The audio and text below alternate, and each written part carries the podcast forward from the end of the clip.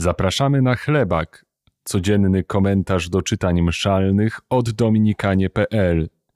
Dzisiaj usłyszysz Pawła Jamroza z Rzeszowa i Piotra Olesia z Wrocławia. Z Księgi Rodzaju. Izrael miłował Józefa bardziej niż wszystkich innych swych synów, jako urodzonego w podeszłych jego latach.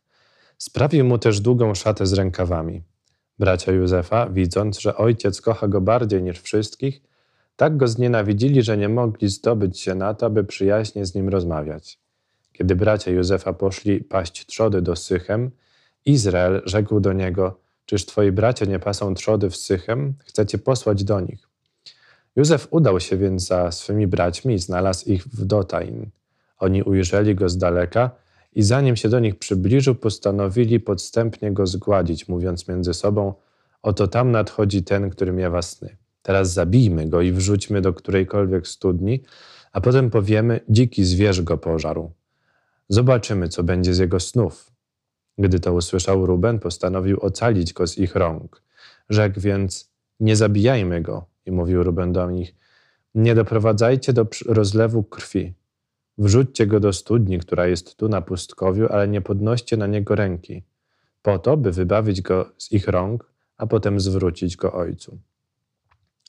Gdy Józef przybył do swych braci, oni zdarli z niego odzienie, długą szatę z rękawami, którą miał na sobie, i pochwyciwszy go, wrzucili do studni. Studnia ta była pusta, bez wody.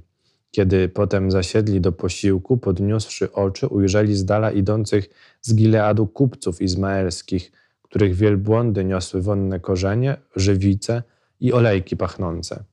Ciągnęli oni, wioząc to do Egiptu. Wtedy Juda rzekł do swych braci – Cóż nam przyjdzie z tego, gdy zabijemy naszego brata i nie ujawnimy naszej zbrodni? Chodźcie, sprzedamy go Izmaelitom. Nie podnośmy ręki na niego, wszak jest on naszym bratem. I usłuchali go bracia.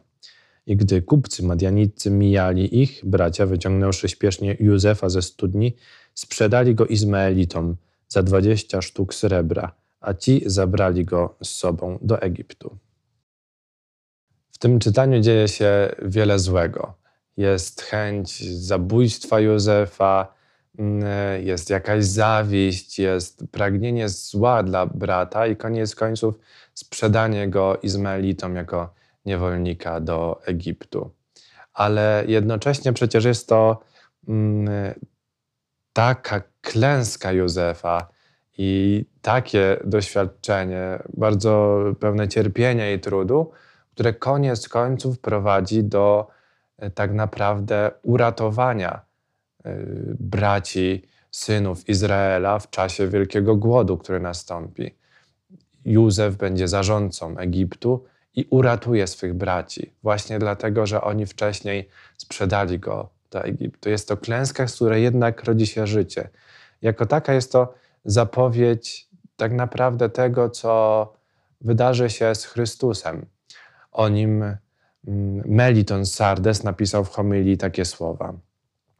To on w wielu musiał znosić wiele. W Ablu został zabity, w Izaaku związano mu nogi, w Jakubie przebywał na obczyźnie, w Józefie został sprzedany, w Mojżeszu podrzucony, w baranku paschalnym zabity, w Dawidzie prześladowany, w prorokach zelżonych.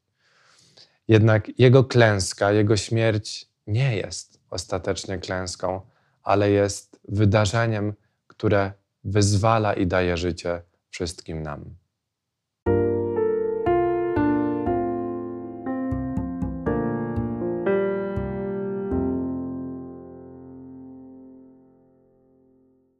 Z Ewangelii Świętego Mateusza. Jezus powiedział do arcykapłanów i starszych ludu: Posłuchajcie innej przypowieści. Był pewien gospodarz, który założył winnicę. Otoczył ją murem, wykopał w niej tłocznie, zbudował wieżę, w końcu oddał ją w dzierżawę rolnikom i wyjechał. Gdy nadszedł czas zbiorów, posłał swoje sługi do rolników, by odebrali plon jemu należny. Ale rolnicy chwycili jego sługi, jednego obili, drugiego zabili, trzeciego zaś ukamienowali. Wtedy posłał inne sługi, więcej niż za pierwszym razem, lecz i z nimi tak samo postąpili.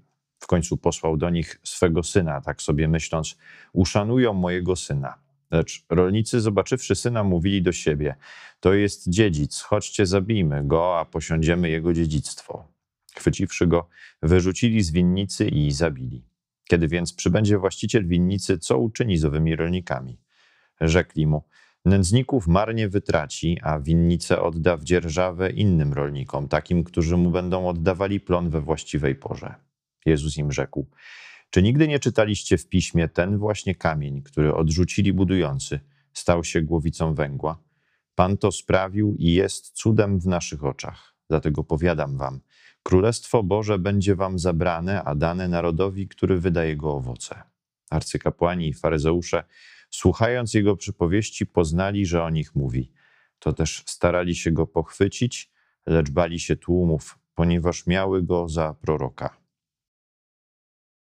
Winnica to jeden z najpopularniejszych e, biblijnych motywów, e, który bardzo często do nas powraca. W dzisiejszym fragmencie Ewangelii słyszymy przypowieść Pana Jezusa o winnicy właśnie. Winnicy, która e, tym razem jest obrazem świata, jest obrazem, czy też raczej opowieścią o historii zbawienia.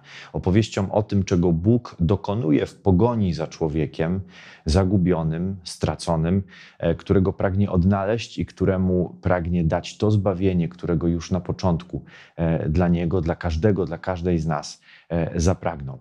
Tak jak praca winiarza e, jest pełna poświęceń, jest pracą, która wymaga wysiłku, wymaga ciągłego starania się o jak najlepsze warunki do tego, by wino, które ma powstać, było jak najwyższej jakości, tak praca Boga nad każdym i każdą z nas jest niesłychanie wymagająca.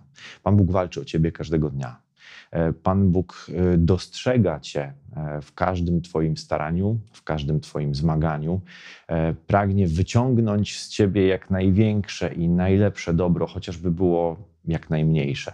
Po to tylko, by to zbawienie, które chce Ci dać, mogło wreszcie znaleźć się w Twoim zasięgu, po to byś mogła, byś mógł doświadczyć tej miłości, znacznie przewyższającej Twoje wyobrażenia, której Bóg zapragnął dla Ciebie jeszcze zanim powstał świat.